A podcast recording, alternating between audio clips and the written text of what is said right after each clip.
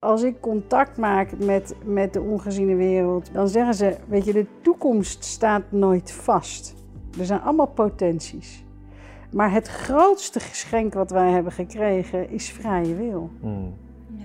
Dus alles wat wij doen in die vrije wil, met ons denken en gevoel, is een enorme scheppingskracht. Dat iedereen op zijn identiteit nu wordt aangesproken. Juist, ja. Door corona ben ik diegene wel gevaccineerd, niet gevaccineerd. Oh ja. Dat is natuurlijk ook alweer een mooi hoekje. Wel een complotdenker, niet complotdenker. En dat iedereen zijn identiteit wordt overhoop gegooid. Super interessant. Zo belangrijk dat we het bewustzijn, dat dat wakker wordt, dat we dat ontwikkelen. Omdat het namelijk ook veel makkelijker wordt om elkaar te helpen en te ondersteunen. Juist. Weet dat je meer bent dan het mens en de uitdaging die je nu meemaakt.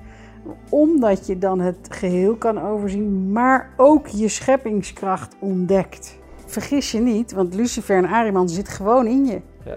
Ik heb een heel mooi stuk en wijs en, oh, en de zon. Mm. Maar ik heb ook een stuk in mij wat niet zo leuk is. Ja, nee, maar hiermee sla je voor mij zo de spijker op zijn kop. Zolang je de schuldrol op je neemt, of je Ja. beschuldigt nog iemand, dan zal het stuk schuld en beschuldiging altijd blijven staan in Ja. de wereld. En zullen we blijven zitten in deze situatie. Mhm. Alles start, dat, dat is zo belangrijk, alles start bij jezelf. In hoeverre kan je de dingen oplossen? En dan is het echt zo binnen, zo buiten.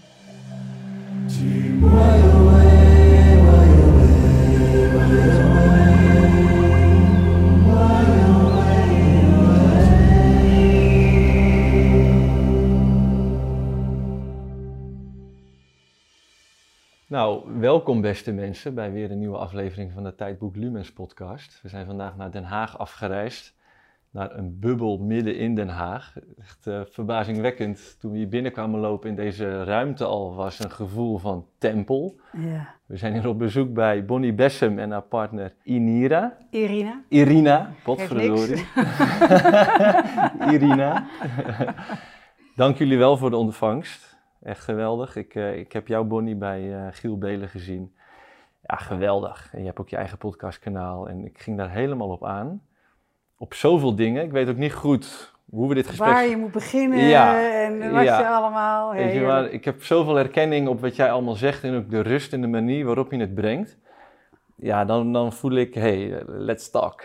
Laten we eens gaan kijken. Heerlijk. Ja, eh, nou voor de kijkers, eh, Bonnie is eh psychologe, medium. In 2014 heeft zij het Levenscollege opgericht. En dat is ter begeleiding van psychologen, levenswijsheden de wereld inbrengen en mensen ja, in het mediumschap zeg maar coachen.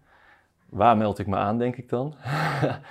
nee, ik heb zelf ook ja, visioenen gehad en, en ingevingen. En ik vind het moeilijk om dat de wereld in te duiden, in te brengen, eh, woorden aan te geven. Ja. En dat vond ik zo leuk bij jou, eh, Irina. Eh, jij bent drie jaar geleden aangezet, zeg maar, en echt een omslag gehad. En daarvoor had je, zeg maar, een matrixleven. Nou, daar herken ik mij helemaal in. Dus ik voel me daar ook heel erg in thuis. En ik heb bij jou ook veel herkenningsvragen te stellen straks. Eh, Bonnie, jij bent al heel je leven helder ziend, Ja. helder wetend. Ja, Nou, dat, ik denk dat dat voor de kijkers ook wel iets van sceptisch kan oproepen van, oh jee, daar Heel gaan we weer. Ja, dat is leuk. Weet je, maar dat voel ik ook zojuist de uitdaging in van maak, er, maak het toegankelijk. Eh, hè? Dus voor mij ook als vragensteller van, eh, om dat grote hier tastbaar op aarde te brengen. Ik voel zo sterk dat we daarvoor hier zijn als mens. Dus, voordat we erin duiken, nog even eh, dit. Eh, Tijdboek Lumens is een beginnend kanaal. We zijn heel erg geholpen bij het delen van onze content. Op onze website www.tijdboeklumens.nl kun je de trailer vinden van deze video. Die kun je dan delen in je eigen netwerken. Je kunt daar nog meer content vinden en ons boek. Ehm, inschrijven voor de nieuwsbrief. We doen wel eens een vraag- en antwoord sessie met gasten. Dus dat krijg je dan eh, mee. We hebben een agenda die we bijhouden met leuke evenementen. Dus eh, leef je uit. Ja, nu gaan wij ons uitleven. ja, oké. Nou, eh, wij kwamen hier net binnen en ik zei al van ja, Bonnie, ik weet nog steeds niet goed hoe ik dit gesprek ga insteken. Ik voel zo sterk om het relevant te maken voor de kijker, ook voor mij natuurlijk. Hè, want het is voor mij ook een persoonlijke zoek- en vindtocht. Maar ook dat het relevant is om naar te kijken. Hè. De, de wereld staat in de fik, zeggen veel mensen. Eén op de drie huishoudens uh, komt onder water te staan tegen het einde van het jaar. En dan vind ik het zo lastig om hier een gesprek te gaan zitten voeren over, weet ik het allemaal, zonder dat het dan tastbaar, concreet, toegankelijk, toepasbaar is, zeg maar. Dus ja, hoe zou jij... Dus hoe gaan we dat doen? Hoe gaan we dat doen? Oké. Ja, hoe gaan we... En dus ik zat ernaar te zoeken en toen kwam jij, Irina, kwam erbij van ja, Ja. mooi. Ja. Weet je, Daar en, ging je direct op Ja, aan. het was wel grappig, want het was niet de bedoeling dat ik erbij eh, zou zijn. Ja. En ik zei, sorry, je mag me er even mee bemoeien. Ja. Maar dat het zo belangrijk is nu dat het iets concreets is waar we wat mee kunnen. En toen hadden we een heel mooi kort gesprekje over die tijdlijn. ja. Dat is misschien wel mooi om daar eh, mee te starten. ja, leuk. Nou, we hadden als, eh, wij doen iedere ochtend een intentie. Dat vind ik een hele mooie start van de dag. Eh, wat is de intentie voor de dag? En we hadden die dag eh, synchroniciteit. En wat iedere keer terugkwam die dag was tijdlijn. We hadden een prachtige documentaire gezien van Damaneur een, over een community in Italië, Noord-Italië, ooit gestart door een man in de jaren 70. Die in de Akasha-chroniek kon schouwen en die zei: Deze tijdlijn waar we, waar we ons nu in bevinden, werkt niet. Dat is duidelijk. We hebben een nieuwe tijdlijn nodig. Nou, mijn dochter wist niet, mijn dochter is 14, wist niet eh, van onze intentie. En die zei even en passant: Oh ja, eh, mam, trouwens, eh, als deze tijdlijn niet goed is, dan hop je toch even naar de volgende tijdlijn. Dat was weer passend binnen die synchroniciteit. Wat wij heel sterk voelen, is dat je je niet moet richten op wat nu zoveel eh, wordt gezegd. Het wordt zwaar, het is moeilijk en oké, daarna wordt het beter. Want je creëert daarmee iets. Je, zet, hè, de, je verwacht eigenlijk al dat het zwaar wordt. Met de verwachting ehm, zet je de intentie al neer, oh het gaat zwaar worden. En je manifesteert hem uiteindelijk. En die manifestatiekracht, waar wij het eh, regelmatig over hebben, die is wat nu zo gevraagd wordt deze tijd. En dat is de nieuwe tijdlijn die we willen maken van niet het wordt zwaar. Nee, als alle mogelijkheden in de lucht hangen. En dat vind ik altijd een heel mooi beeld. Als alles als ballonnetjes in de lucht hangt. Welk ballonnetje ga je nemen? Dan neem je toch niet die van angst. En het wordt zwaar en eh, het wordt moeilijk. Nee, ik neem de allerbeste. Het wordt mooi. En welke heb ik in mijn hand nog?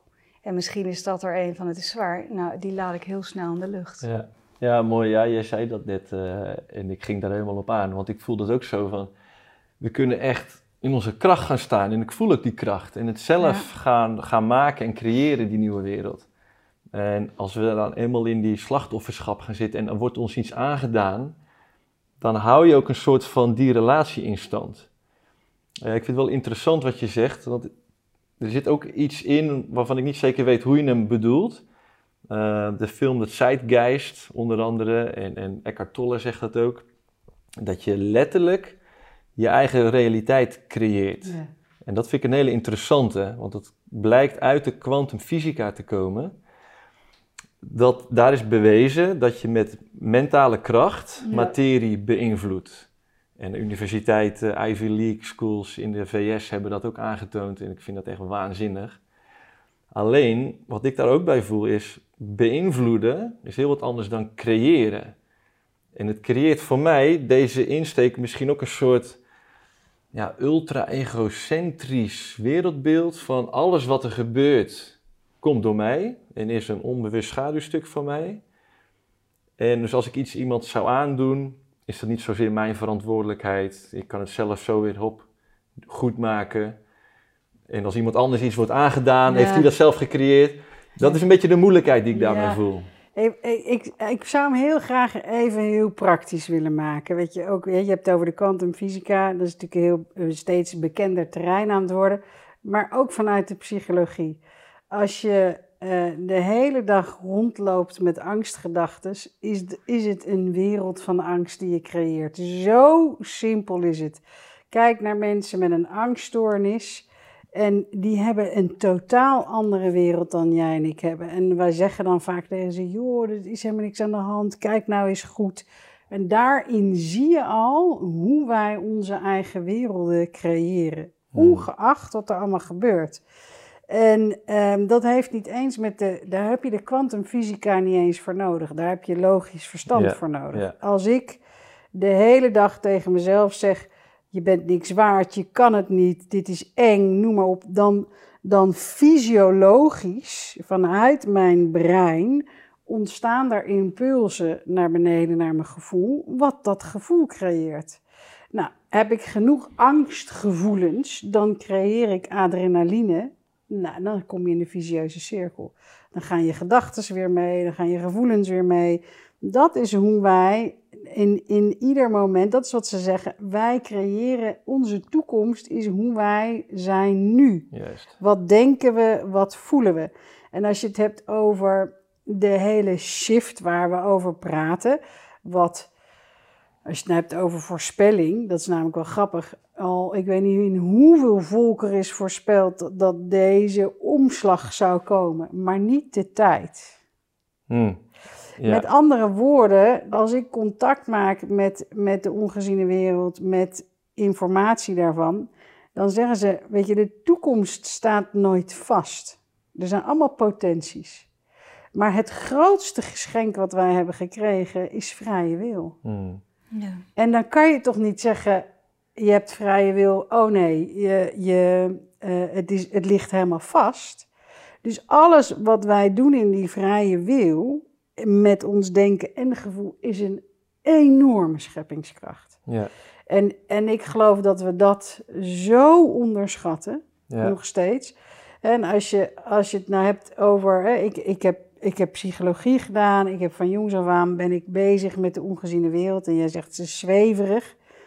En wat, wat ik altijd eh, zeg, wat ik echt heel zweverig vind, zijn mensen die rondlopen hier op aarde en zich nooit afvragen wie ze zijn en waar ze vandaan komen. Ja. Dat, dat is voor mij zweven. ja, eens. En ehm, ik heb de mazzel gehad, want zo, zo kan ik het noemen, dat de, sluis, de sluisdeuren niet dicht zijn gegaan. Hmm. Dus ik heb altijd die verbinding gehad. Ik heb het altijd gevoeld. Ik weet nog dat ik zes was. En toen stond ik buiten in de tuin en toen zei ik, nou, God haal me maar terug. Dit was foutje. Hmm. Weet je, wat een drama waar Ja. ik ben geboren. En weet je, zo. Ja. Zo helder was dat nog voor me. Ja. En daarnaast het psychologie gaan studeren, dus ook de wetenschappelijke kant. En daarom is het zo mooi dat die hele kwantumfysica, wat veel verder gaat dan de natuurkunde, nu komt de wetenschap steeds dichterbij bij wat de, eh, ja, de, de goeroes of de grootmeesters al eeuwen zeggen. Hmm. Dat is zo mooi wat er gebeurt. Ja. Ja, ik ga daar graag op verder, ook wat je zegt over dat thuis en, en de schepper. Ik, dat vind ik heel mooi en dat voelt voor mij ook mooi om te toetsen, zeg maar, wat ik heb gezien, hoe dat bij jou overkomt, als een soort klankbord. Ja, ja. Maar nog even terug naar die creatiekracht. Ik vind dat zo interessant. Ehm, want er zijn ook mensen die nou misschien kijken en denken, ja, een mooi verhaal, maar ik creëer toch niet zeker dat mijn gasrekening omhoog gaat en dat mijn benzineprijs zo hoog is dat ik amper aan het eind van de maand nog naar mijn werk kan rijden. Weet je, hoe, hoe kijk je daar tegenaan? ja, maar het is wel hoe je er tegenaan Ja. kijkt. Ja, je ziet... Soms is de gebeurtenis blijft zoals die is. Ja. Als ik terugkijk naar de heftige uitdagingen die ik had in mijn leven, die kan ik niet veranderen. Als ik Ja. kijk naar het nu en ik heb een gebeurtenis eh, die ik heftig vind, ik kan er weerstand tegen hebben. Hmm, Ik kan er in zelfmedelijden naar kijken, in eh, de vraag waarom. ehm, hè, je mind probeert altijd een antwoord te vinden op alle vragen die het stelt. Maar het gaat erom hoe ik er naar kijk. En ik vind het zo mooi, het voorbeeld, bijvoorbeeld als je naar de zee kijkt. De zee met slecht weer hmm, kan er dreigend uitzien. Zodra de zon gaat schijnen, ziet de zee er prachtig uit. Het is dezelfde zee. Ja. De omstandigheden ja, eh, daarbij spelen een rol, maar het is hoe, hoe kijk ik ernaar? ja.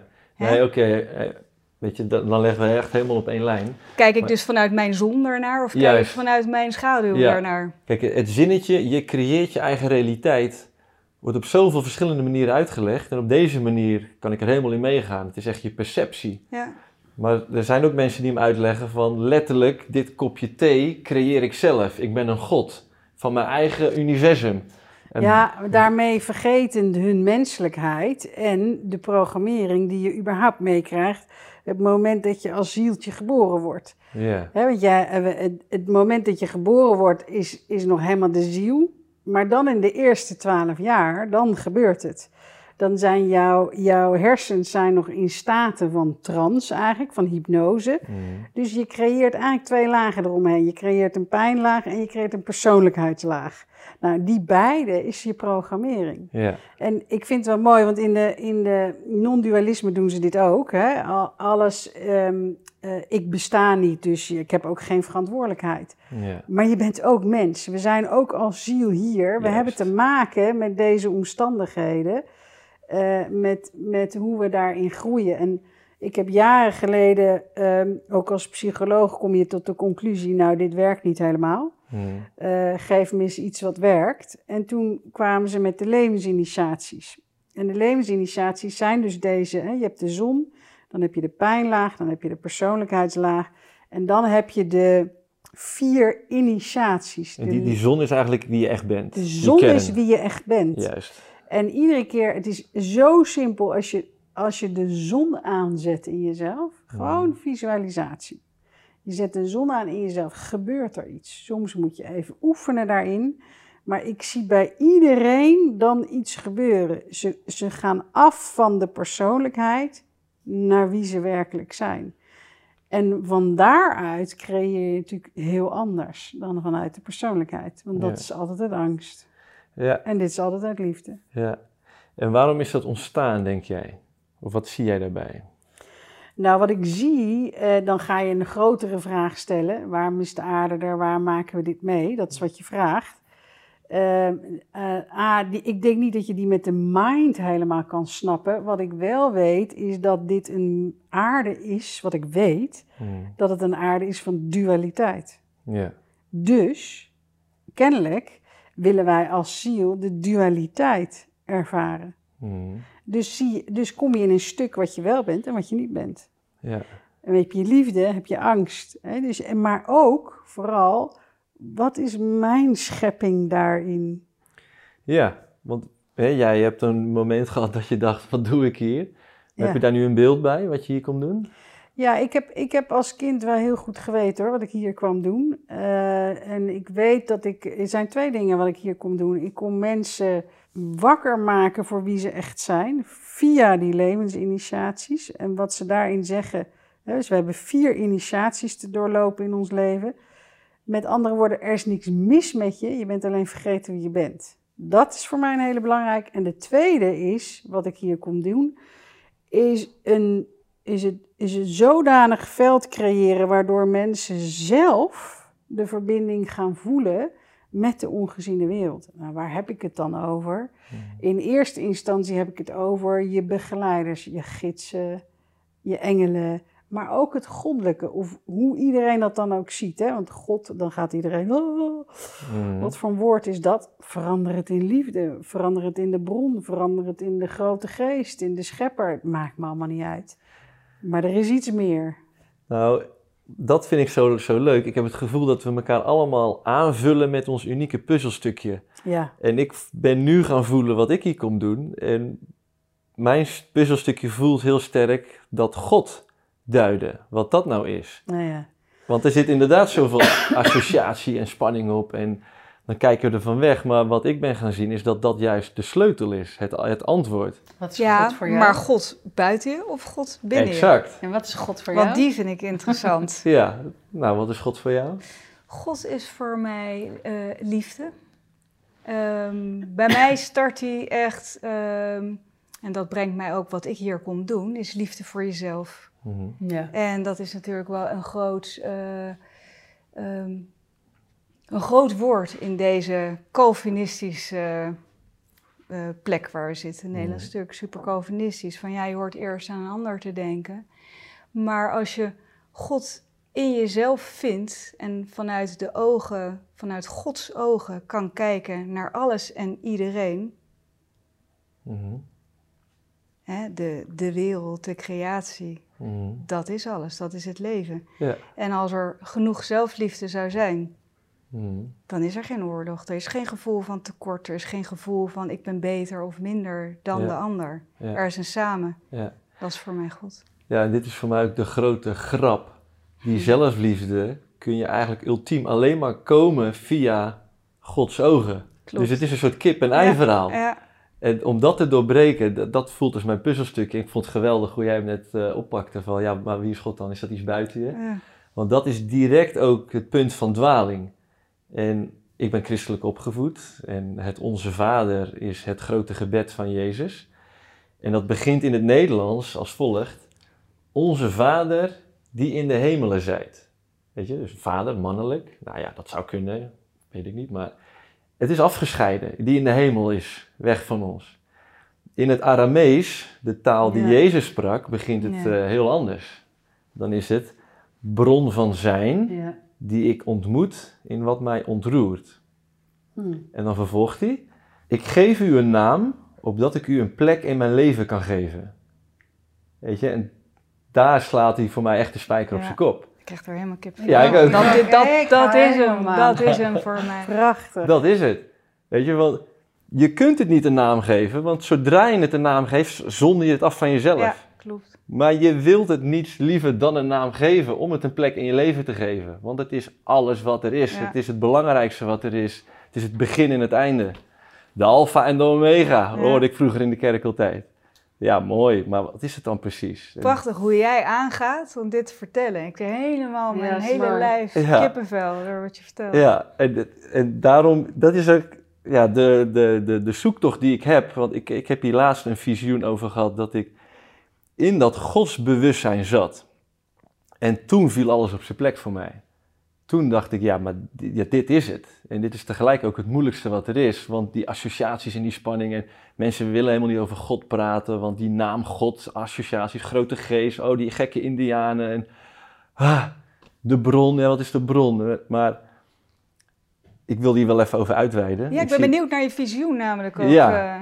Nou, het is, het is waanzinnig. Het is, eh, het is niet in woorden te duiden, maar het is wel te proberen. En eigenlijk alles wat vanuit liefde komt, is een poging om dat te uiten. Onbewust of bewust.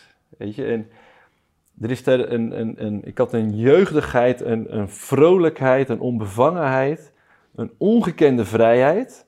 Waar ik van in een deuk lag, waar je u tegen zegt. Echt een humor en een hilariteit van, nou, echt bizar. En alles is mogelijk. Echt een, een ultieme almacht. Dat is een mooie ayahuasca-trip. Nee, Niet eens? nee. Ehm, nee, maar dit is ook een hele interessante vraag. Want die vraag krijg ik wel eens, van hoe krijg je dan visioenen? En ook dat heeft met alles te maken. Alles wat in mijn leven is gebeurd, is een facilitator naar dat punt, zodat ik dat puzzelstukje kan gaan invullen. Het is tegelijkertijd ook mijn schaduwwerk. Weet je, ik heb een wond op erkenning en, en gezien willen worden. Ik ben de vierde van vijf jongens thuis. Dus ja, ellebogenwerk, competitie, gezien willen worden. Dus dat deed ik met kattenkwaad en, en sport en spel en, en school en studie en werk. En ik, ik heb een eigen onderneming gestart. Eigenlijk deels vanuit die wond. Dus er kwam licht uit, vervormd door die wond. Hm. Ik krijg nou visioenen over ultieme gelijkwaardigheid.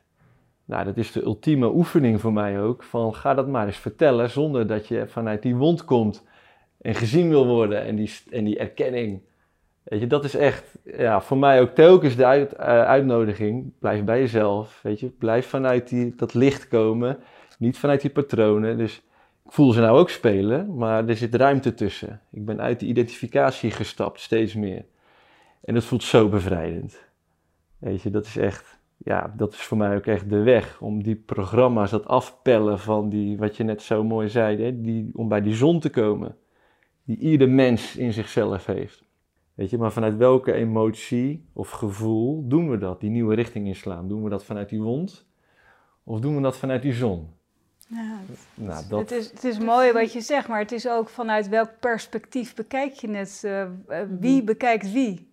ja. Hè? Bekijk je vanuit je ziel? Bekijk je je persoonlijkheid? Hmm. En dat, dat hoor ik heel erg in je verhaal. En dat is wel mooi, hè? die tegenstellingen die we altijd ook eh, noemen. De schijnbare tegenstellingen, want daarin zit alles. Ja, dat zie je ook in de levensinitiaties. hè. De, de programmering die de eerste twaalf jaar ontstaat, ehm, dat heeft dus alles te maken met waarvan je denkt dat je dat bent. Hè? De persoonlijkheid met alle angst en alle wonden. En wat is nou zo belangrijk, ook in die levensinitiaties, is, is soms niet eens de wonden oplossen, maar je realiseren wie je echt bent. Juist.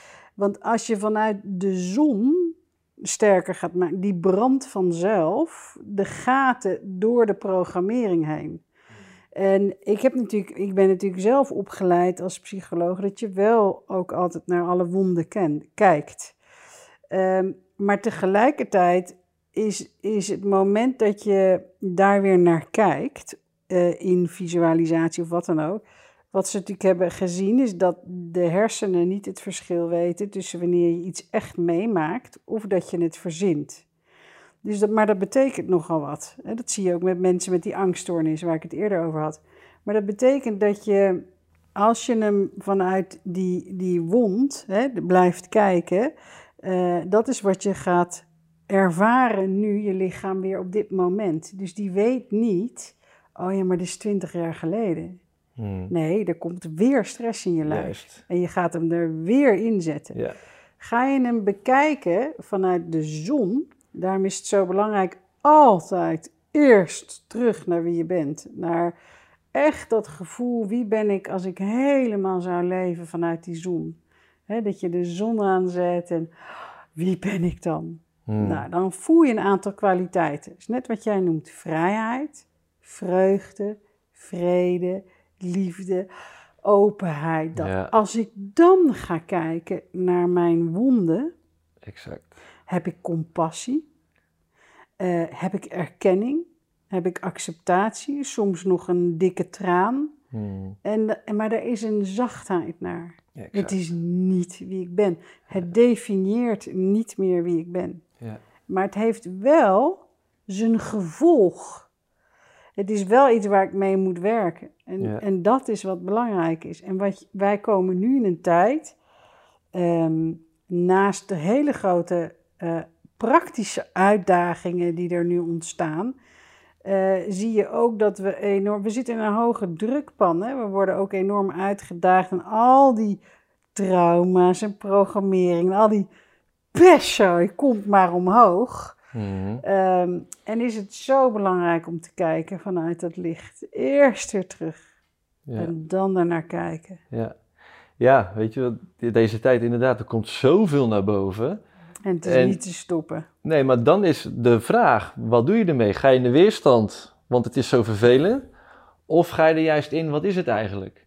Weet je, en dat is vanuit het licht wat ik net omschreef. Ik, ik wil niet over andermans trauma dat bagatelliseren, maar bij mijn eigen stukken, ik kan er dan echt met zo'n humor naar kijken van, zo, wat heb ik dat serieus genomen zeg. Weet je, maar vanuit het ontstaan, vanuit eh, van de schepping, wat we hier zijn gaan doen, is gewoon puur ervaren.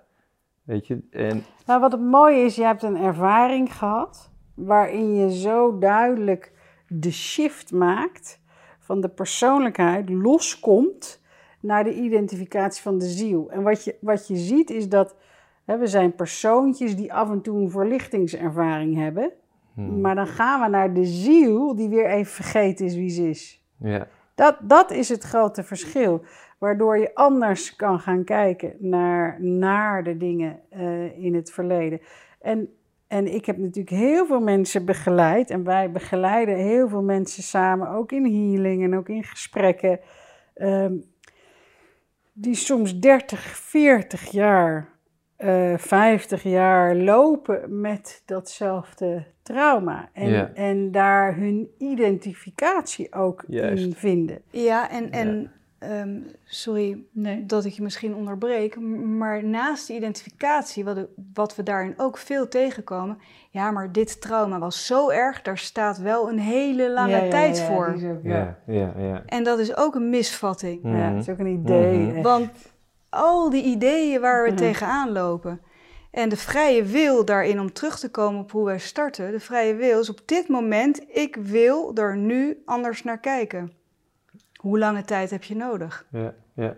ja, ook het verschil tussen emoties en gevoelens. Ja. Wat ik jou een keer heb horen duiden. Ja. Dat voel ik hier ook zo sterk in Ja. terugkomen. Nou, je hebt in een van de ehm, eh, initiaties, heeft te maken met water. Je hebt water, lucht, vuur, aarde. En water staat voor gevoel.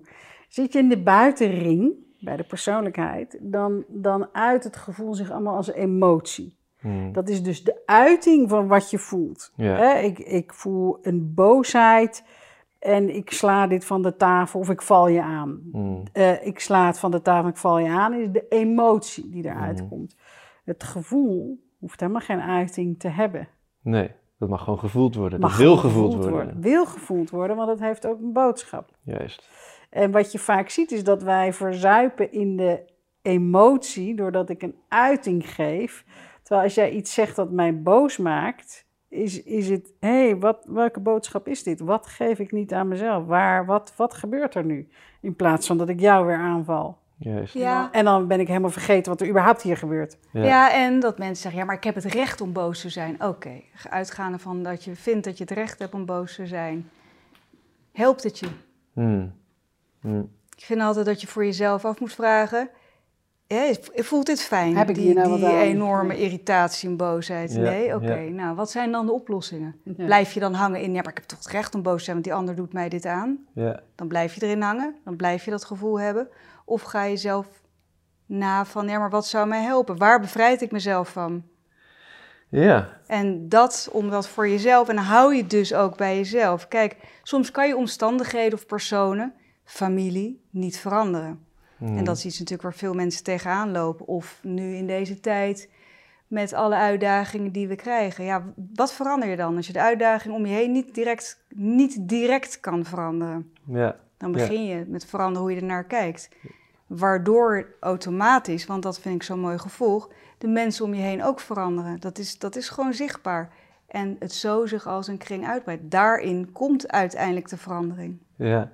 Ja, ik herken me onwijs in, ook in jouw proces, weet je. Jij, jij had gewoon een, een eigen bedrijf in interieurverzorging. Ehm hoe omschrijf je het zelf? Nou, Iets anders. Ja, dat is schoonmaken. Dat is niet echt mijn, eh, mijn, Interieurverzorging. mijn specialiteit. Nee, wat ik doe, eh, naast dat ik ehm, eh, met Bonnie verschillende dingen doe voor het Levenscollege, ehm, heb ik ook een ehm, bedrijf in een thuis maken voor mensen. Dus een, hun Ja. omgeving, hun huis.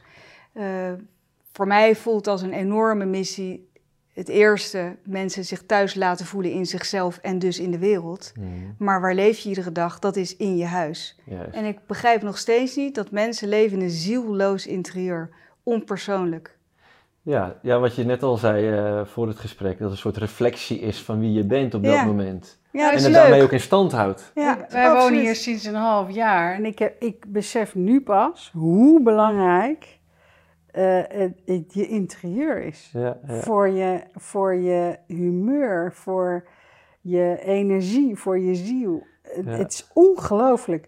Ook wat troep, troepjes kunnen doen in Ja. je hele systeem. ja. En dat heb ik eigenlijk door jou, heb ik dat pas door. Qua kleur, qua dingen, qua dat je naar alles wat je kijkt, ook hier, dat je denkt, oeh, lekker dit zeg. ja, ja, Nou ja, ook iets, een, een erfenis, bijvoorbeeld een kast die je foei lelijk Ja. vindt, die dan staat.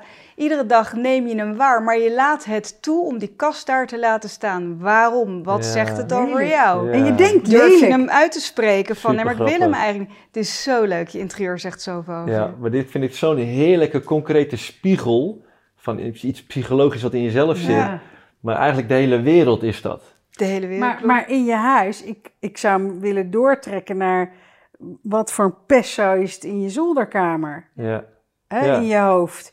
Doe je daar hetzelfde als wat je thuis doet? Laat je overal troep liggen, ja. wat maar woekert. Zo'n kast dat ik langs loop denk, jezus, lelijk ding zeg. Maar dat, dat doe ik hier ook. ja, ja. En dat is zo mooi, dat je hem zo eh, concreet kan ja maken. heerlijk. Ja. Van, eh, Ja, mooi ja. verlengde ook over dat, eh, die emoties en die discussies. Even terug naar dat wat je net zei. Dat het verschil tussen voeden en voelen. Dat verhalen zo een emotie kunnen blijven. En Ja. die mag boos zijn en dit trauma mag eh, ge- langer gevoeld worden. Ja, ben je het dan aan het doorvoelen of aan het voeden? ja. ja, en denk ik in mogelijkheden of denk ik in moeilijkheden? Ja, Ik heb de keuzes, mijn vrije wil, hoe ik naar iets wil ja kijken. je houdt Iedere dag weer. Maar jij bent drie jaar geleden echt Nou, drie jaar geleden, eh, er, het was wel een pad. Ik ben eigenlijk mijn hele leven wel met spiritualiteit eh, bezig geweest. Eh, altijd ook wel een zoektocht eh, gehad naar wie ben ik. En dat ging op en af. Eh, toen trouwde ik, kreeg kinderen en toen had ik echt eh, mijn focus op mijn aardse leven. Verdween de spiritualiteit een beetje naar de achtergrond. Totdat ik vijf jaar geleden vastliep, Mhm. wat een zegen is. Mhm. Want toen kwam echt de vraag, ja, maar wie ben ik echt? En Ja. wat wil ik echt in het leven? Ja. Toen ben ik ehm, bij Bonnie terechtgekomen op de dinsdagavond. Dinsdagavond is een avond eh, waarin je naast ehm, eh, les in het mediumschap ook zelfontwikkeling. En voor mij was het zo thuiskomen. Ik dacht, dit wil ik iedere dag. Toen ben ik een eh retraite gaan volgen. En inmiddels was het geen hobby meer. Het werd mijn leven, spiritualiteit. En tijdens die retraite was het een oefening. Je moest voor de groep gaan staan, geïnspireerd spreken. Mhm.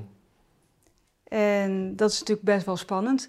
Je gaat staan en je voelt wat de ongeziene wereld door je heen wil laten uitspreken door jou. Je bent dan het instrument. Mhm. Bij mij kwam niet spreken, maar bij mij kwam zien. Mhm. En de groep die zat om me heen. En ik kon op dat moment iedereen aankijken, recht in de ziel. En ik kon zien verder dan het uiterlijk. Juist. En daarbij eh, was voor mij de grote inslag kwam, want recht tegenover me zat Bonnie. En ik zag al, ik zag alle levens in één klap. Ik zag mijn leven, ik zag het grote geheel. En het was een mega klap. Oh, wauw. En we meer. elkaar. Ja. Maar ook ehm, wat we ooit zijn begonnen en wat we komen afmaken hier. Ja, ik hoorde de zin, we gaan verder met waar we ooit zijn, aan zijn begonnen. Mhm. En dat heeft nog wel een impact gehad, ja. Ja. Want toen, eh, toen eh, veranderde ook eh, de hele, hele samenstelling. Dus we hadden natuurlijk beide een gezin, Oh ja. eh, 28 jaar samen. En Mhm. in één keer ging dat toch echt veranderen. Nou, en dat doet wel wat met je identiteit. Want dat, dat is wel. En met je realiteit. Wat is eh, hier in realiteit? Wat is illusie? Leefde ik toen in illusie? Is dit realiteit? Ja. Eh, wie was ik toen? Wie ben ik nu? En dat is ja, wel een supermooi proces. En hoe is- navigeren jullie daar doorheen? Want ik herken dit 100% over, over dat identiteitsstuk, dat ik me ook af zit te vragen, wie ben ik eigenlijk?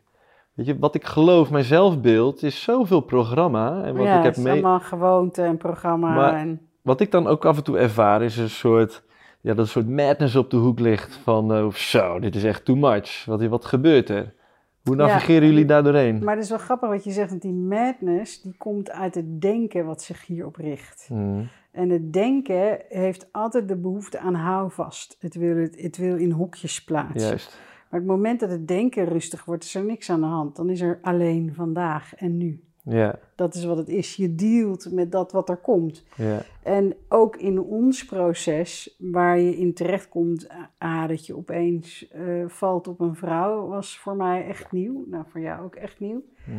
Ehm, dus dat verandert zeker in je identiteit. Het verandert in de hele gezinssituatie. Het verandert eh, in je plek waar je woont. Alles. Mhm. Maar het moment dat je daarover gaat denken, het denken wil altijd terug naar de gewoonte. En ik kwam erachter hoe sterk het gewoontelichaam is. Ja. Het wil altijd terug naar het bekende. En, en iedere keer als ik dan mezelf de vraag stelde, maar wil je dat dan ook echt? Oh nee, dat wil ik helemaal niet. Het is net alsof ik mezelf eruit moest Ja, halen. Oh ja. nee, nu, hier aanwezig zijn. Ja. En dat, dat zijn die veranderprocessen. En dan ga je de identiteitsverlies Mhm. op iets wat je helemaal niet eens bent, Juist. wat geprogrammeerd is, Mhm. kom je nog meer naar wat je bent. Ja, Ja. en het is interessant wat er in deze tijd gebeurt. Hè? Het hokjesdenken, wat we allemaal doen, ook ik. Want een identiteit zit in een hokje. Hè? Je bent eh, moeder, de spirituele. De labels. Eh, ja, ja, ja. De labels. ik was een hetero, maar ben ik dat nu niet meer? Het is wel grappig, want omdat eh, ik voel heel sterk dat deze tijd vraagt om alle hokjes los te laten. Ik zie het bij de jeugd wat er speelt. Ja. Er is al een enorme verschuiving gaande. Vroeger had je hetero en dan had je nog eh lesbi, gay. Dat, dat was het zo'n beetje. Eh, Bi, dat was er ook nog. Nu, als je kijkt, alle labels. Ik zie nu bij jongeren van 13 en plus dat er nu gezegd wordt. ehm, eh, nou, er zijn zoveel termen bijgekomen. Ik weet even niet het alfabet wat erbij hoort. Die ehm, community, ehm, DK. LBTQR community. Dat er. Ik had er een gesprek over met mijn dochter. Toen zei ik, ja, maar dat is toch juist in hokjes denken, hè? Want iedereen op de middelbare school is ermee bezig. Ook hoe je iemand aanspreekt. Mhm. Een meisje die zich opeens in een jongenslichaam voelt... of die wil aangesproken worden met they, them. Ik vond dat super interessant. Omdat dat de hele identiteit zoals wij hem vroeger hadden... die vrij overzichtelijk was. Mhm. Los van dat dat niet je echte, je ware zelf is, maar Ja. goed. En toen zei ze, nee, maar dit is nodig omdat er ehm, nog niet erkenning is voor iedereen. Eerst moet het komen eigenlijk en dan heb je een focus erop, dus dan ontstaan die hoekjes. En van daaruit moet een vrij denkbeeld komen dat alles en iedereen welkom is. Dat je eigenlijk voorbij gaat aan eh, man, vrouw. Dat je niet zegt, oh ken je die? Eh, ja, dat is John, hij is eh, homo. Alsof je zou noemen van, ja, maar dat is Piet, hij is hetero. Ja, dan zit hij alvast in het belangrijkste hokje wat, hij echt, wat hem definieert. Ja, van alsof dat wat over Ja. hem zegt. Ja, ja. En dat vond ik eigenlijk wel mooi, want ik had in het begin had ik enorme weerstand tegen dat hele stuk van moet dat nou? Mhm. Ook eh, grappig, ik vond het wel interessant, omdat ik nu opeens in een heel ander kamp word gezet Ja, door ja, mensen. Ja, ja, Van oh, oké, verschuiving, hup, zut, naar Ja. een ander kamp. ja, Terwijl ik me dezelfde voel. ja. Ja, En dat, dat speelt nu heel erg in deze tijd. En ik merk ruimer genomen ook nog dat iedereen op zijn identiteit nu wordt aangesproken. juist, ja. Door corona ben ik diegene wel gevaccineerd, niet gevaccineerd. Oh, ja. Dat is Ja. natuurlijk ook alweer een mooi hoekje. Wel een complotdenker, niet complotdenker. En dat iedereen zijn identiteit wordt overhoop gegooid. Super interessant. En je gaat uiteindelijk voelen dat geen enkel label kloppend is, Ja, dienend is, dekkend is. Klopt, je hebt hem eerst nodig, zoals met alles Ja. wat ik merk, met ieder stuk van zelfontwikkeling. Je moet er eerst helemaal vol doorheen. Ja, Neem vergeving, ja. om erachter te komen dat er geen schuld bestaat. Ook deze. Ja, ik vind het prachtig wat je zegt. Want dit is, dit is in mijn ogen ook zo in lijn met waar we heen gaan, naar dat echte eenheidsbesef. Absoluut. Dat had geen enkel label. Ja. We hadden net over God. Het is geen label te geven, maar dat is eigenlijk net zo voor onszelf. Weet je, het is niet in te perken. Hè? We zijn mens, ja, maar we zijn ook nog veel meer dan mens. Weet je, dat is ook wat ik heb gezien. De grote geest Ja. heeft niet een bouwmarkt eh, tot zijn beschikking om die schepping in elkaar te Nee. klussen. Weet je, hij heeft het uit zijn eigen, ik zeg hij, mijn eigen programma, maar vanuit het eigen bewustzijn de schepping gemaakt. Dus wij zijn gemaakt vanuit het bewustzijn van grote geest. Er is niks anders dan bewustzijn. Het is vertraagd, gestold, hè, in de materie gezet, een Ja. frequentie verlaagd, hoe dat dan wordt geduid. Dus natuurlijk zijn wij allemaal één en dat. En, en voor mij voelt het ook zo belangrijk om te weten waar we vandaan komen en wat we hier doen. Dat geeft zoveel ruimte voor al die verhalen die we hebben. Dat we niet zo in die illusie gaan, gaan verharden. Ja, en naar zijn evenbeeld in plaats van dat we God creëren naar ons ja, evenbeeld. dat is wel even een verschil, ja. Hoe zie jij dat? Zoals alle goden. Wij zijn geschapen naar zijn evenbeeld, Juist. Ja. de ziel. Mhm. Maar wat doen wij? We maken God een mens. ja, We zijn geen mens, we hebben een menselijke ervaring. juist. Ja. ja, en ik zie dus in al die uitingen die... Voor mij is nu echt alles op zijn plek gevallen. Dus dat vind ik zo grappig. Ook met die LHBTQ Ja, die kunnen wij maar niet uitspreken. Nee, niemand denk ik. Eh, tenzij je daar helemaal in zit. Maar ehm, ik zie daar ook dwaling in en kaping in. En, en ook sturing vanuit een bepaalde kant. En eh, ook voor God willen spelen. Weet je, ik zie alles wat gebeurt is eigenlijk een soort wanhoopspoging om thuis te komen. In waar je echt vandaan komt. In dat grote geestbesef, in dat eenheidsgevoel. Dat is het echte thuis. Als je heel veel geld gaat verdienen, dan voel jij steeds meer vrijheid en mogelijkheden. Dus je voelt, dit is richting huis. Alleen, het is een doodlopende weg.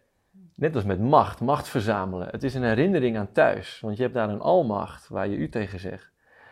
Ook het labelloze op het seksuele is ook een herinnering aan thuis. Eh, Dus we zitten op zo'n pad en we, het voelt al steeds meer thuiskomend. En we denken dat het goed is. Mhm. Maar het is een dwaling, want het is, het is niet het echte thuiskomen. Er is maar één echt thuis. Ja. En dat is in dat grote leuk. In, eh, in, eh, in, ik heb een boek Hemeltaal geschreven met mijn vader, die toen in 2015 overleed. En wij zijn altijd bezig geweest met de familie met hè, hoe, hoe zit het daar? En, eh, ehm, dus hij zei na zijn overlijden, nou je hebt nou leuk 20 jaar geoefend, dan gaan we beginnen. En een van de dingen ehm, wat hij zei is, ehm, het denken creëert duizenden werelden, maar het brengt je niet thuis. Ah, ja. Ja, mooi. Ik Ja. vind sowieso de zoektocht buiten ons. Om er dan uiteindelijk Ja, achter te komen dat het dat het al in je zat. Ja. Weet je wat ik ook zo grappig vind? Dat, ik, ik ken geen enkel mens, als je hem verwijt maakt, eh, dat ze die eh, aannemen. Want diep van binnen voelt ieder mens, ja, maar dat klopt niet. Je, je, hebt, je, hoeft mij niks kwalijk te nemen, want ik kom vanuit liefde. En dat is ook helemaal waar. Weet je, we, komen ook eh, vanuit liefde. We hebben de beste intentie. Het is als een glas water. Als het stilstaat, voelt iedereen gewoon echt die, die liefde in zich diep van binnen. Maar zodra er beweging in komt, komen de programma's in de activatie. En dan in een relatie en dan de triggers en dan dingen. En dan is het weer troebel. En dan komt eh, afdwaling weer. En dan wordt het zo minder helder zichtbaar dat die liefde er niet zo goed uit kan komen. En dan is er weer rust nodig. Je, Hoe, hoe kijken jullie er tegenaan? Hoe kunnen, we, hoe kunnen we echt weer bij die zon komen, los van alle verhalen? Doen. Stop met je verhaal. Wees Nou, st- stil. Een afzakking van hier naar hier, Ja. vanuit je hoofd Stop. naar je hart. Ja. En, en, en ga, je, ga je verbinden met de zon, met je licht, doe je ogen dicht, ga het voelen. Dat je ga helemaal in die, in die energie. Het is Ja. niet, niet hoe, nee doen. Het is, Even een heel concreet voorbeeld wat nou bij me opkomt. Ik was afgelopen weekend eh, een weekend weg. En er was een jongen, er was een, een, een festival, een beetje spiritueel festival. En nou, dan kwam een jongen naar me toe en zei, ik ken jou ergens van. En dus hij, kwam met me, hij had onze uitzending met Bob de Wit gezien. Dat was nog meer de mentale perkpaaltje in de grond van waar we staan als mensheid, zeg maar. Ik, vond, ik vind dat hij dat heel mooi weet te duiden. Dus daar was hij op aangeslagen en we raakten in gesprek. Nou, hij zat nog met een pornoverslaving, alcoholverslaving, eh, heel veel strijd in zich. Maar we hadden dus echt een heel mooi gesprek. Maar ik zat ook eh, te denken van ja, wat kan ik doen? Eh, weet je, dus wat je zegt, ja, doen. Maar ja, doe het maar eens. Er staat een heel mooi tegeltje op, de, Op het de- toilet? ja, Ja. die heb ik gekregen. ja. Ik had uit eh, de opmerking terloops gemaakt... door niets meer te vinden van iets of iemand, ja. vind je jezelf. En dat, dus dat is, Toptegeltje. Is dat doen. Dus het kwam erop dat ik nog iets vond. Ja, maar ik vind dat is toch niet goed? Of ik vind eh, het moet toch zo gaan? Of ik vind dat de ander toch zo naar mij moet zijn? Mhm. Op het moment dat dat allemaal vervalt, wat blijft er dan over? Dan vind je jezelf. En dat is alleen maar een kwestie van doen. ja. En daarin zit dus ook weer je vrije wil. En, en hè, de vraag, wat moet ik doen, is de vraag wat heel erg uit het denken komt. Mhm. En het moment dat we het denken even gaan stoppen, komt de ervaring en het voelen en het zijn vanzelf.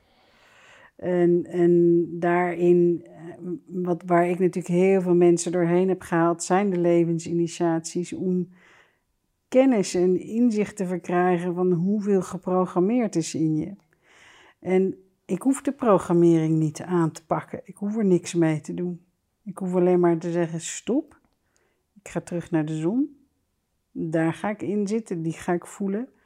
En, en dan voel je weer wie je bent. Dus het is, het is een shift die zo gemaakt is. Het is een keuze van angst naar liefde, van je hoofd naar hart. Het is een keuze die je maakt. Ja.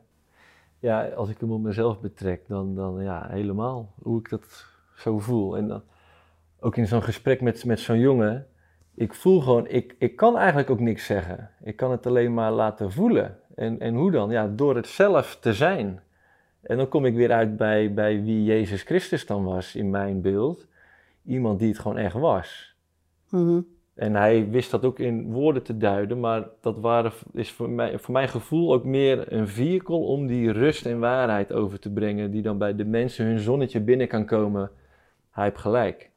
En door, gewoon door het samen zijn, dat al die patronen en programma's vanzelf naar de achtergrond gaan, omdat ze voelen, hé, hey, Hier is de ruimte, hier, hier voel ik me in thuis. Ja, en, en iedere keer weer het, het hè, wat zou liefde doen? Of, hè, jij, wat zou Jezus doen? Wat zou liefde doen? Jezus was natuurlijk ook een, zowel de ziel als de mens. Ja, en daar zat ook een programmering nog Mm, in. mm. En, ehm, maar hij had zo duidelijk de, de, de kennis, de godskracht en zo, dat je het goddelijke toelaat doorstromen door je heen of vanuit jezelf naar buiten. En dat is automatisch waarop je veel meer dingen gaat doen vanuit liefde. Ja, ja, ja. En ook, hè, wij hebben bijvoorbeeld, ehm, wij zijn anderhalf jaar samen. Er is nog nooit een onvertogen woord geweest. Mooi. Hè, mensen zeggen dan, ja, maar in een relatie heb je toch wel af en toe een conflict. Dat is helemaal niet nodig. Nee. Of het, het recht van boosheid. Het is helemaal geen recht waarop je boos hoeft te zijn. Die is er helemaal niet. Ik weet nog dat mijn gids tegen mij zegt, je hebt geen enkele legitieme reden om geïrriteerd te zijn. Ja, die voel ik.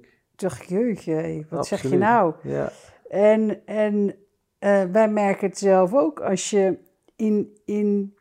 Tuurlijk raak je dingen bij elkaar aan, omdat er een programmering nog speelt. Juist. Maar hoe mooi is het als je dat bewustzijn hebt en zegt: hé, hey, goh, wat grappig, dit is echt een oud verhaal in me wat wakker wordt. Ja. En dat voelt pijnlijk en ik kom in een angst. En het heeft niks met haar te maken, Ja. maar ze triggert me wel. Ja, want jij En- hebt ook je, je geschiedenis, je aanloop Ja. en je, je cultuur. Als ik niet bewust ben, niet vanuit de ziel, dan zal de persoonlijkheid dit direct als een aanval voelen. Ja, Oh, weer iemand die dit Ja. doet. En dan val je weer aan of je loopt weg. Of weet je, al die, Ja. dat, dat soort dingen. En, en dat is wat nu, als ik hem even helemaal terugtrek naar het begin, wat je zei over één op de drie huishoudens komt echt in de kou te staan en onder water. Het is zo belangrijk dat we het bewustzijn, dat dat wakker wordt, dat we dat ontwikkelen omdat het namelijk ook veel makkelijker wordt om elkaar te helpen en te ondersteunen. juist. Weet je, er komt een, en daar, dat is het allerbelangrijkste. Ja, Ook als je in deze uitdaging nu zit, hè, dan zou ik echt willen zeggen: ehm, eh, ontwikkel dat bewustzijn. Weet dat je meer bent dan het mens en de uitdaging die je nu meemaakt. Omdat je dan het geheel kan overzien, maar ook je scheppingskracht ontdekt. ja. Daar, En- en daar, als, daarachter kom je daar. Achter die boosheid en als je daar doorheen bent gegaan. Maar als je hem vanuit de angst blijft zien, Ja, dan zal je het allemaal beleven. ja, En dan is dat je identiteit. En eh, dus het meest praktische is, eh, kom erachter wie je bent. En je leven verandert ter plekke. ja. Ja, en het angst voor tekort verdwijnt daar ook mee. En Ja. dat is natuurlijk makkelijk eh, gesproken, hoor ik de mensen denken. Als je er middenin zit hè, en, en je raakt werkeloos of je kan je Ja. rekeningen niet meer betalen. Van ja, kan ik wel een beetje spiritueel gaan zitten doen, maar Ja. daarmee krijg ik geen brood op de plank. Mm. Maar door in die weerstand en door in de, het verdriet en de boosheid te blijven, waar we het eerder over hadden, blijf je in die wachtruimte zitten. Het helpt je niet Nee. verder. ja, ja. Ook als je, weet je, als je, als je je baan verliest in wat dan ook. Er is overal tekort aan personeel op het moment. Mm. Het is één groot drama. Mm. Alles gaat vastlopen. Waarom? Omdat in de coronatijd iedereen online is gaan werken. Ja, Ja, Ja. en ik vind daarin ook belangrijk om ons toch weer verder terug te brengen op eh, de tijdlijn eh, waar we het eerder over hadden. Waar wil je in zitten? Wil je ervan uitgaan, oh het wordt moeilijk en het kan nog moeilijker worden? Hè? Dan zet je daarin toch iets vast. Je manifesteert daarin iets. Of het is nu tijdelijk, zit ik in een uitdaging, ik heb het nu tijdelijk moeilijk, maar ja, het wordt daarna anders, omdat je het vertrouwen terug kan voelen van terug eigenlijk naar de basis diep in je hart, waarin je weet Mhm. en kan voelen het vertrouwen en je kan hem switchen en daarin manifesteren. Ja, Ja. Maar ook de identificatie, weet je, de identificatie die we hebben als iets, iets wij we zijn ook door een gedeelte heen dat je identificatie losgaat. Nu ga je zien dat heel veel mensen hun identificatie verliezen met de baan die ze hadden. Ja, maar ik was toch dit, ik was toch dat. Of je bent Amsterdammer. Ja, en nu moet ik opeens iets anders doen. Maar dat is wat er gevraagd wordt deed het van ons. Is constant verandering aan de gang. En er is, er is werk, er is echt heel veel werk. Allemaal oefening. En het is echt allemaal oefening, maar daarnaast ook is er, er is heel veel hulp, er is heel veel samen, er is, he- het is er. Weet je, mensen worden daarin steeds wakkerder van, hé, hey, dit kan niet meer. En soms, en dat is ook iets wat ze vanuit die andere kant vaak zeggen, soms heeft andere de, kant en dan de engelen. de ongeziene ja, wereld... dat ja, vind ik heel leuk, want die hulp, wat, wat kun je daarover vertellen? Ga verder. Oké, maar wat zij dus ook zeggen, ehm, soms heeft de mensheid, nu heeft de mensheid een nachtmerrie nodig om wakker te worden. Zo geprogrammeerd zitten we. Hè, je bent geen bankier of een manager of een- je. Politieagent, MER. Weet je, en dan, en dan ja, dan, dan verlies je die baan. Maar er zijn heel veel andere dingen. Het is ook zo leuk, want je gaat zoveel nieuwe dingen van jezelf ontdekken. En ook zie je zo ongelooflijk veel projecten die ontstaan en eh, van elkaar helpen in dingen. We worden ertoe gedwongen. Ja. En, en Ja. ik denk, hè, ik, ik denk dan heel simpel, één op de drieën, stel, staan onder water en ze komen allemaal op straat. Dat kan de overheid helemaal niet aan. Ze kijken wel uit. Er komt echt wel weer wat anders aan Hmm. dan. Weet je, als je daar heel logisch over nadenkt, zou ik daar niet eens zo bang voor zijn. Ja. Ja, en het vraagt ook voor creativiteit. Dat en is waarom, ook zo mooi. Waarom kan het niet misschien Ja. wel beter worden dan Ja. eerst? Ja. Misschien ja. kom je er wel Kom- achter, hè? was je politieman altijd in, dat, in die vaste baan en dat gaf je vastigheid. En je verliest opeens je baan en je denkt, oh help, wat nu? En door creativiteit ga je iets doen waar echt je hart ligt. Ja. Juist. En kijk je erop terug, het was goed, Ja, het moest vind- zo gaan. Soms word ik geholpen en dat voel ik dan wel vanuit de ongeziene wereld. Soms wordt iets voor je gebroken Ja. om je net dat setje te geven. Maar die zie je op het moment niet, pas als je Ja. terugkijkt. En als je kijkt, dan zijn zoveel mensen doen werk wat ze niet leuk vinden. Mhm. Mhm. Wat denk je dat dat uitzendt Ja. in het universum? Ja. In, in als scheppingskracht. Ja. Ik vind het niet leuk, vind het niet leuk, vind het niet leuk. eh, wat denk je dat er gebeurt? Ja. Als je niet meegaat en je gaat voelen, oh maar wat wel, dan heb je hem al gemanifesteerd. Dan gaat het eruit. Het Dat aantal, is- eh, het aantal burn-outs is niet een modetrend, het is echt. Ja. Mensen voelen gewoon steeds meer, het klopt niet wat ik doe. Ja, ook onder jongeren. Depressiviteit. En als je kijkt nu, heel Ja. veel studenten die stoppen. Ja. Of heel veel schoolverlaters die niet automatisch gaan studeren. Omdat eh toekomstperspectief is heel anders Ja. dan in onze generatie. Was het logisch, oké, je gaat eh, eh, school, dan ga je een opleiding doen, dan ga je werken. En nou, dat is er niet meer, omdat er eh, de berichtgeving is al... Oh, er zijn geen huizen te krijgen voor die generatie. Eh, kans op een eh, baan is al moeilijk. Dus heel veel jongeren beginnen er al niet eens meer aan. Maar het vraagt wel om andere initiatieven. En je ziet dus andere bedrijfjes ontstaan, jongeren. Of die zeggen, nou, ik ga reizen en eh, ik heb de tijd van mijn leven. En ik kom daar weer iets tegen mogelijkheden. Ja. En ik geloof daarin. Ja, kleine communities die elkaar dragen, Ja, zelfverzindend. steeds meer sa- We echt een samenleving ja. die ontstaat. Is het ook niet de bedoeling dat Ja. we zo gaan leven? Ja. Ik vond het ook mooi wat je net zei over eh, dat je niet boos hoeft te zijn op een ander. Die voel ik zelf ook zo sterk. We hoeven elkaar echt niks wijs te maken. Nee. En zeker vanuit... En ook niet te beschuldigen. Ja, weet je Weet wel? dat- ja. We, we, we zijn zo schuld, is ook zo schuld en schaamte en angst. Het zijn zulke lage frequenties en het is allemaal, allemaal geconstrueerd door de mens, eh, het menselijk denken, maar het is niet wie we zijn. Ja. Maar om eens even op die hulp terug te komen. ja.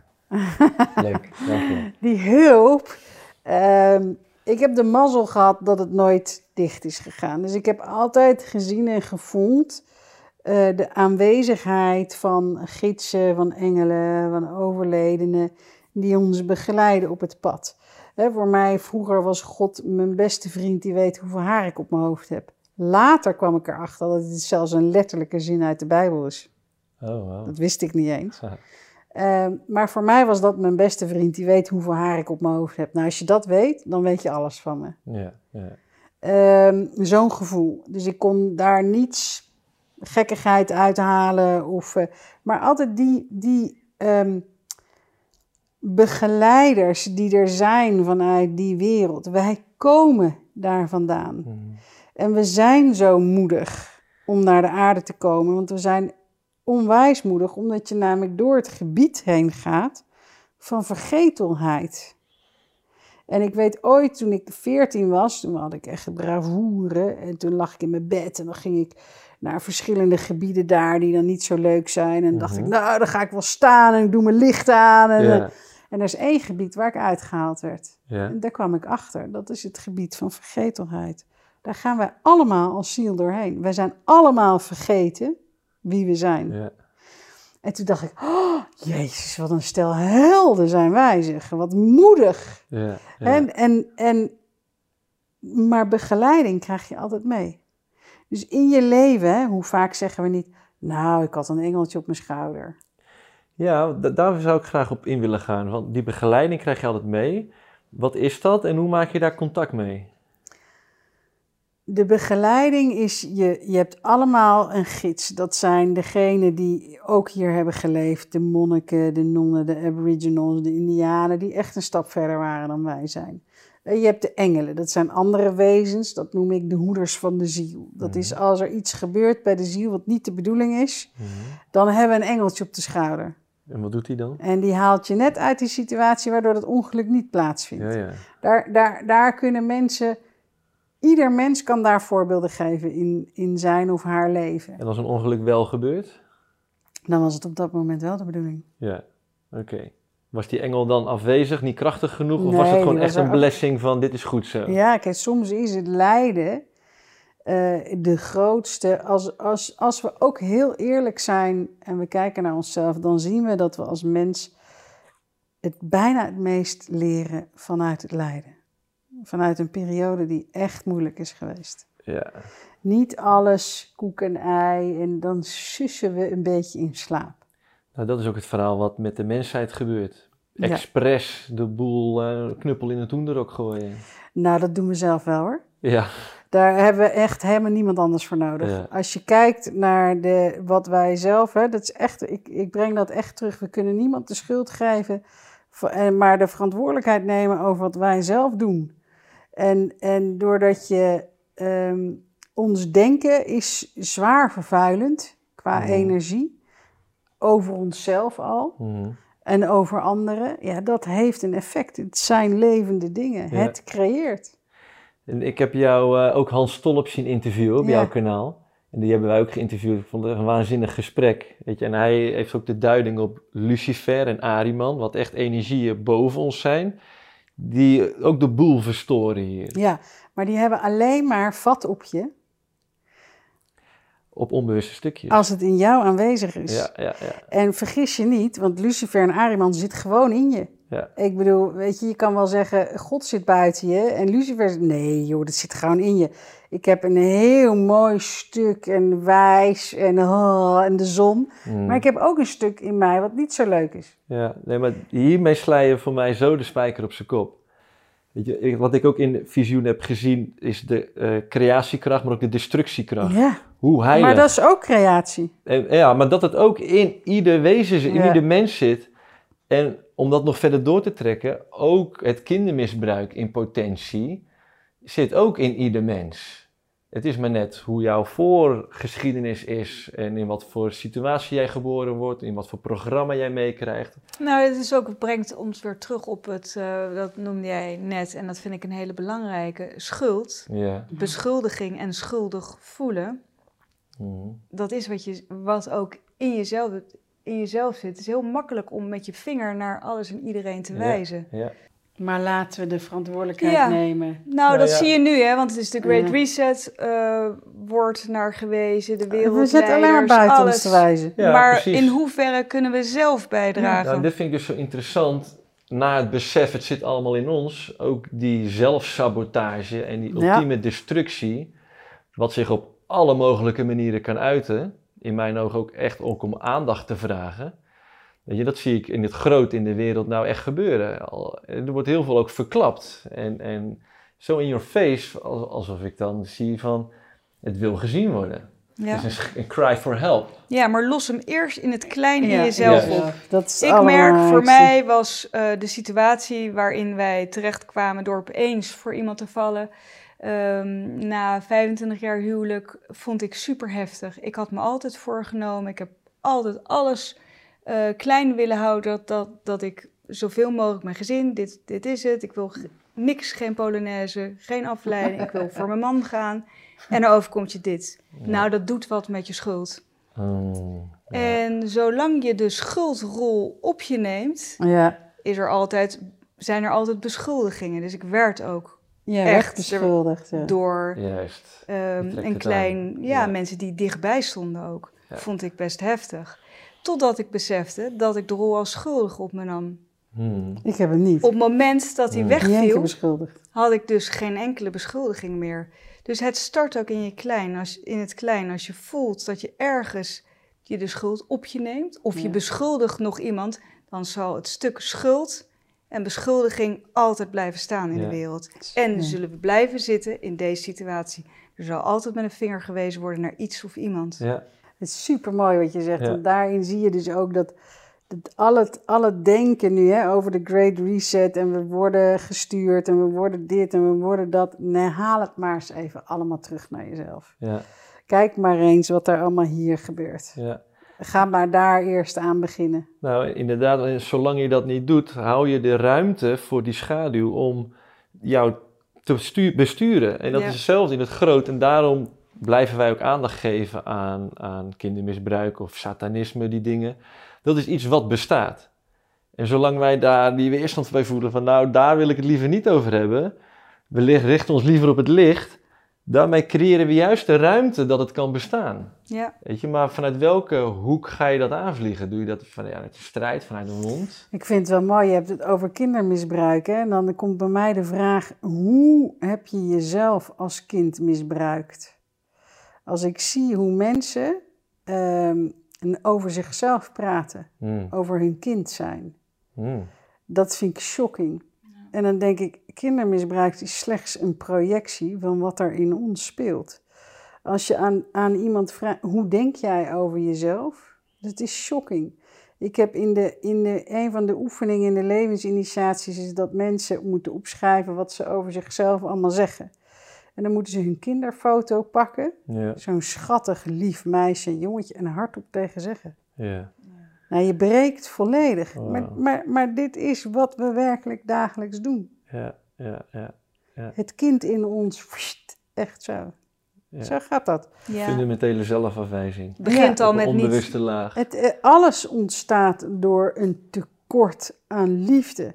Ja. En het niet luisteren. Ja. Niet luisteren naar jezelf. Niet aankijken.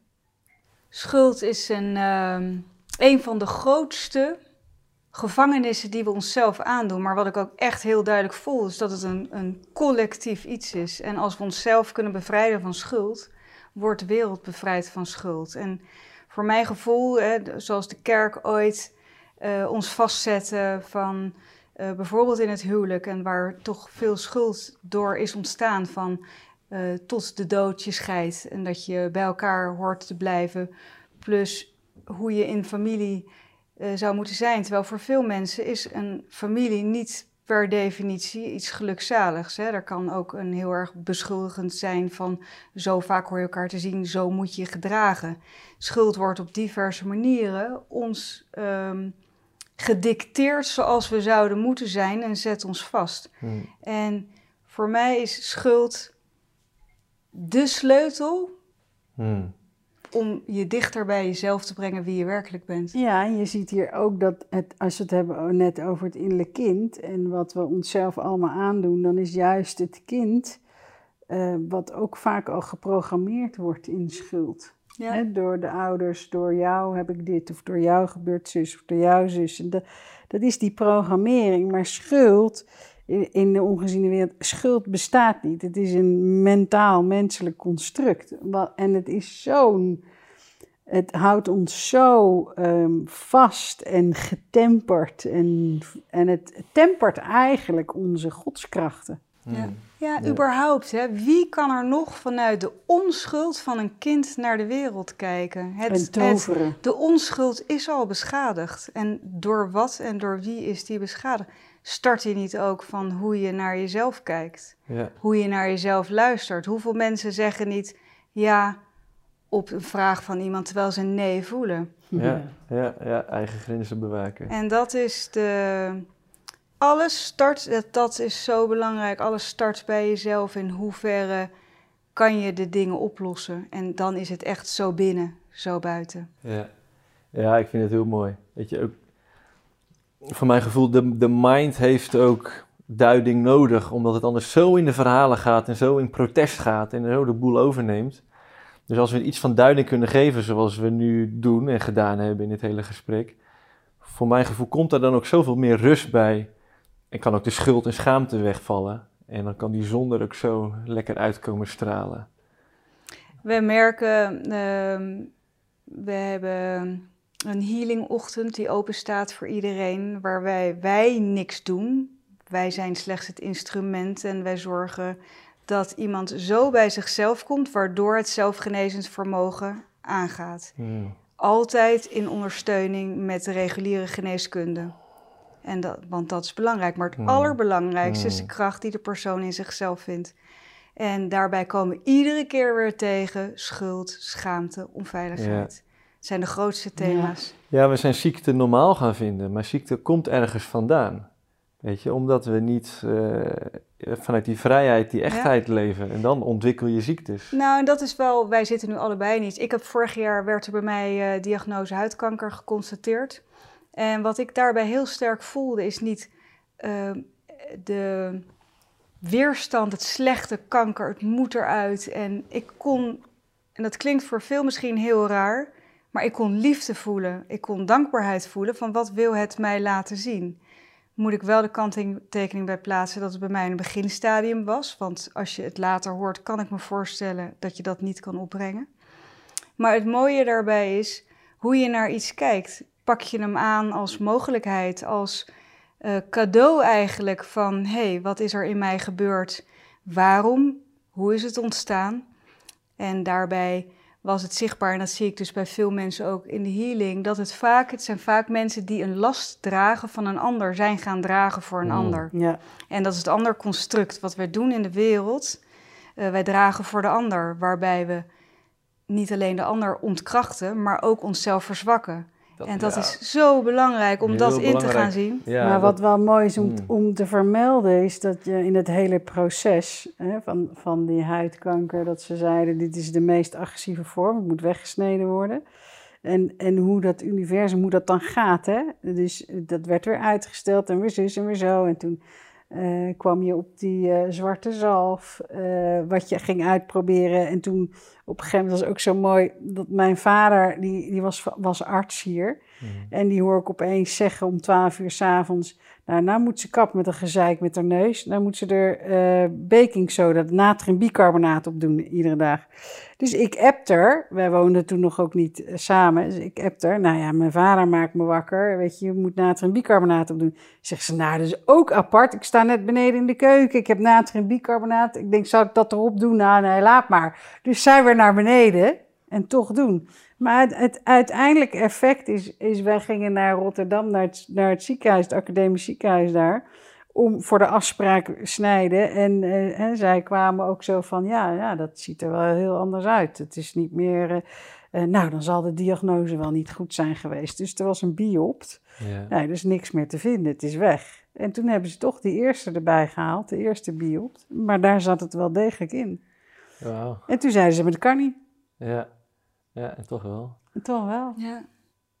Wat een power. wat een kracht. Ja, en dat is toch wel mooi om te, om te eh, zien ook in de praktijk je, de kracht die je hebt. Ja. Ja. ja, daar kan de mind niet bij. Nee, de mind kan er niet bij. Die wil er zelfs niet bij. Die wil van alles aandragen. Maar nee, maar dat klopt niet hoor. Dit voel je niet goed hoor. Nee, je moet het echt doen. Je moet echt voor die zekerheid gaan. En, en Precies. de angst die je wordt eh, aangepraat. En het is het geloof daarin. Hè, in de Bijbel zegt het geloof, het geloof kan bergen verzetten. Maar het is niet het christelijk geloof. Hmm. Nee, geloof kan bergen verzetten. Ja.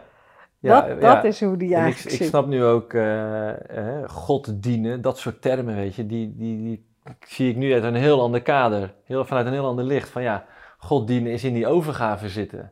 En het is je eigen ziel dienen. Ja, hmm. Het is, het is het kleine ikje wat plaats maakt Ja. voor de grote ik. juist.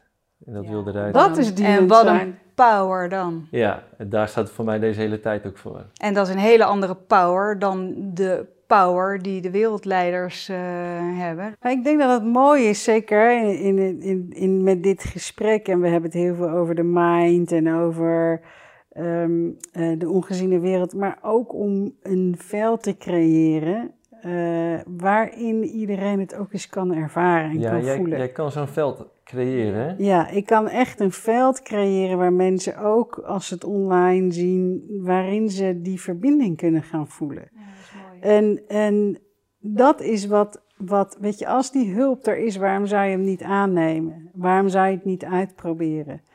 Eh, het, het, het komt bijvoorbeeld al met ingevingen. Het wordt je ingegeven. Inzicht, inspiratie, Spirit. in spirit. Weet je, het is, we gebruiken zoveel termen daarvoor. En het is zo aanwezig, maar we willen het maar niet erkennen dat Ja. het er is Nee, omdat we het willen begrijpen. omdat we het eerst Ja. willen begrijpen. En ja, we kunnen het niet ja. begrijpen, we gaan het ervaren. Dus ik denk dat dat wel mooi is als we met elkaar eens even dat gaan ervaren en dat gaan voelen. Oké, mooi. Ik ga even zitten. Dus dan zou ik je willen vragen om eens even diep te ademen. Diep in en uit te ademen. En je verbeeldingskracht te gebruiken. Je verbeeldingskracht waarbij je je voorstelt dat je een zon hebt in je buik.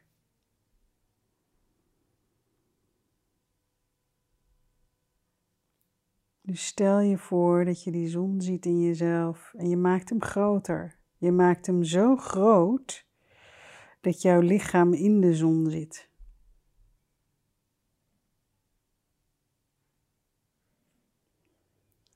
En als je dit verbeeldt, hoe voelt het dan als je steeds meer die zon groter laat worden in jezelf? Hoe voel je je dan?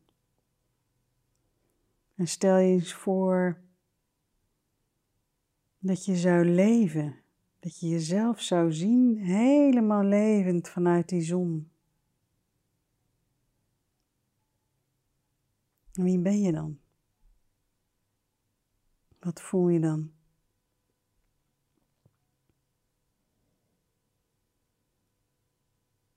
En die zon reikt zo ver. En dan zou ik je willen vragen of je vanuit jezelf, of je het nou wel of niet gelooft, is allemaal niet belangrijk, de intentie uitspreekt om eens jouw spirit team te ontmoeten. Gidsen, engelen, misschien zelfs dierbare overledenen.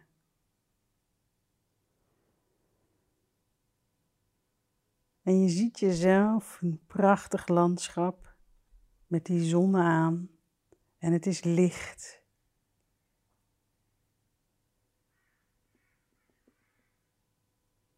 En je hebt die intentie uitgesproken in jezelf dat je eigenlijk best wel eens zou willen ontmoeten.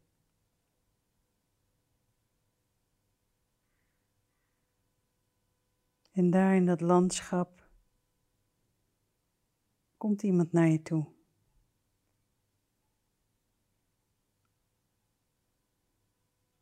En je voelt. Je voelt de energie. En wat doet dat met je hart? Wat doet dat met jou?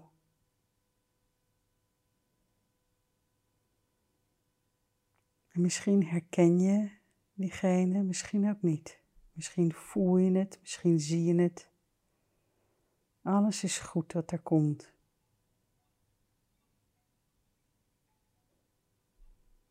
En voel eens wat er wordt gegeven. Wat wordt je gegeven? Welke boodschap komt er naar je toe? Wat voel je in jezelf ontstaan? Misschien een boodschap over de situatie waar je in zit.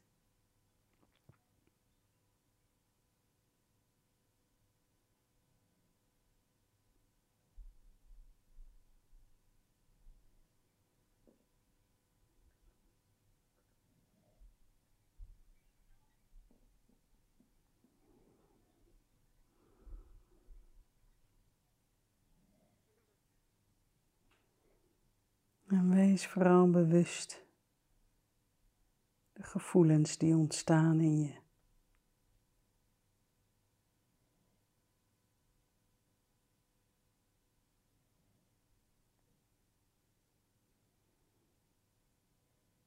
En weet dat je zoveel zou kunnen vragen. En wanneer je stil bent, je ook zoveel kunt ontvangen qua inzichten, ingevingen.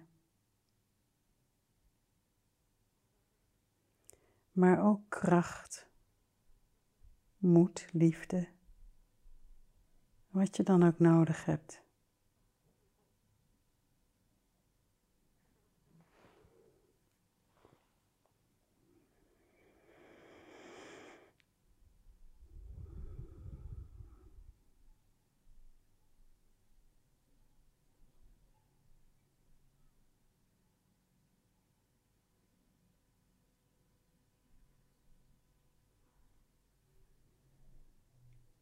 En ze geven je iets, een symbool. Een symbool voor deze tijd. En wat is dat wat je krijgt?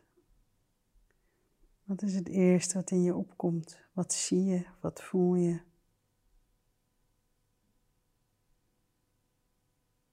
En misschien voel je ook direct de betekenis erbij. En misschien komt die later.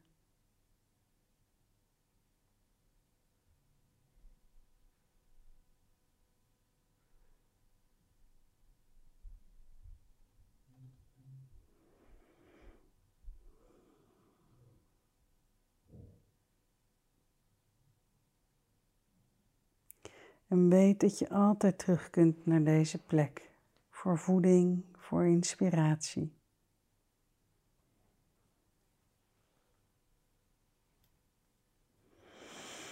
En adem diep in en uit en breng jezelf ook weer langzaam terug hier. En terwijl je zo je ogen opent, kun je nog steeds dat lijntje voelen. Nog steeds die verbinding voelen.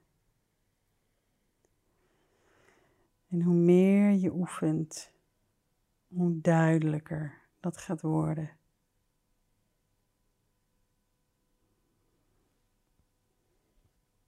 En op je eigen tijd open je weer je ogen.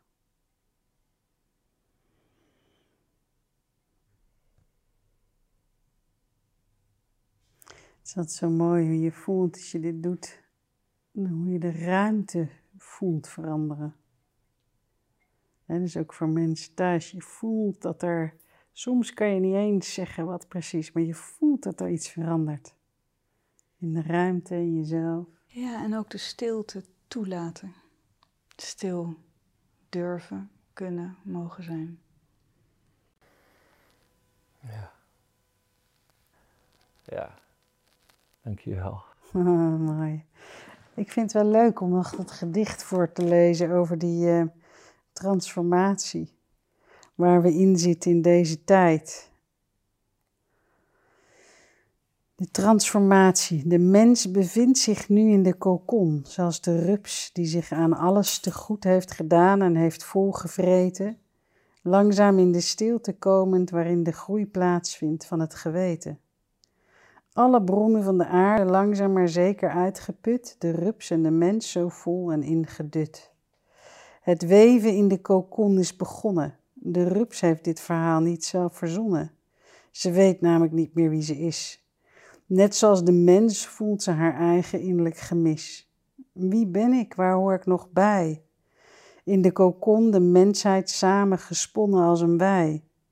Wie ben ik als ik uit deze transformatie kom? Waar ben ik gebleven? Dit vraagt zo'n overgave en vertrouwen op een geheel nieuw leven. Ik zeg gedag als rups tegen wie ik dacht te zijn. De mensheid gaat nu door haar existentiële groeipijn. Ik ben moedig en had nooit durven geloven. Ik wist niet dat ik kon vliegen, zo hoog, zo boven.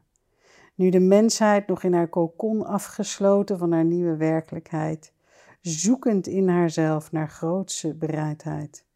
Om al het bekende, veilige achter te laten op weg naar de belofte van te kunnen vliegen. We kunnen de aarde, dieren en vooral onszelf niets meer voorliegen. Langzaam neem ik je mee uit de kokon, vliegen hoog naar de goddelijke zon. Amen. Amen, aho. High five. Amen. Dankjewel. Dankjewel. Nou, dan eh, gaan we maar afronden. Lekker energietje is er. ja, nou, eh, beste mensen, ik hoop dat jullie ervan genoten hebben. Ik wel in ieder geval. Ehm, ja, kijk eh, verder op onze website naar, naar meer van dit soort content. Eh, we beginnen aardig een eh, portfolio te bouwen met kippenvelmomenten. Waanzinnig, echt dankjewel. um, nou, Lumens is financieel afhankelijk van boekverkopen en donaties. Die wereld leven we nog in. Ik heb gezien dat dat achter ons gelaten gaat worden. Uh, hoort er nog even bij. Maar um, uh, over twee weken zijn we er weer met een mooi vervolg. Daar kijk ik ook heel erg al naar uit. Het is zich aan het ontvouwen op een manier die ik zelf ook niet kan bevatten. Af en toe zit ik ook van. Maar uh, heerlijk. Dus dank jullie wel voor vandaag. Alsjeblieft. geweldig genoten. Dank je. Dat is mooi, dankjewel. Ja.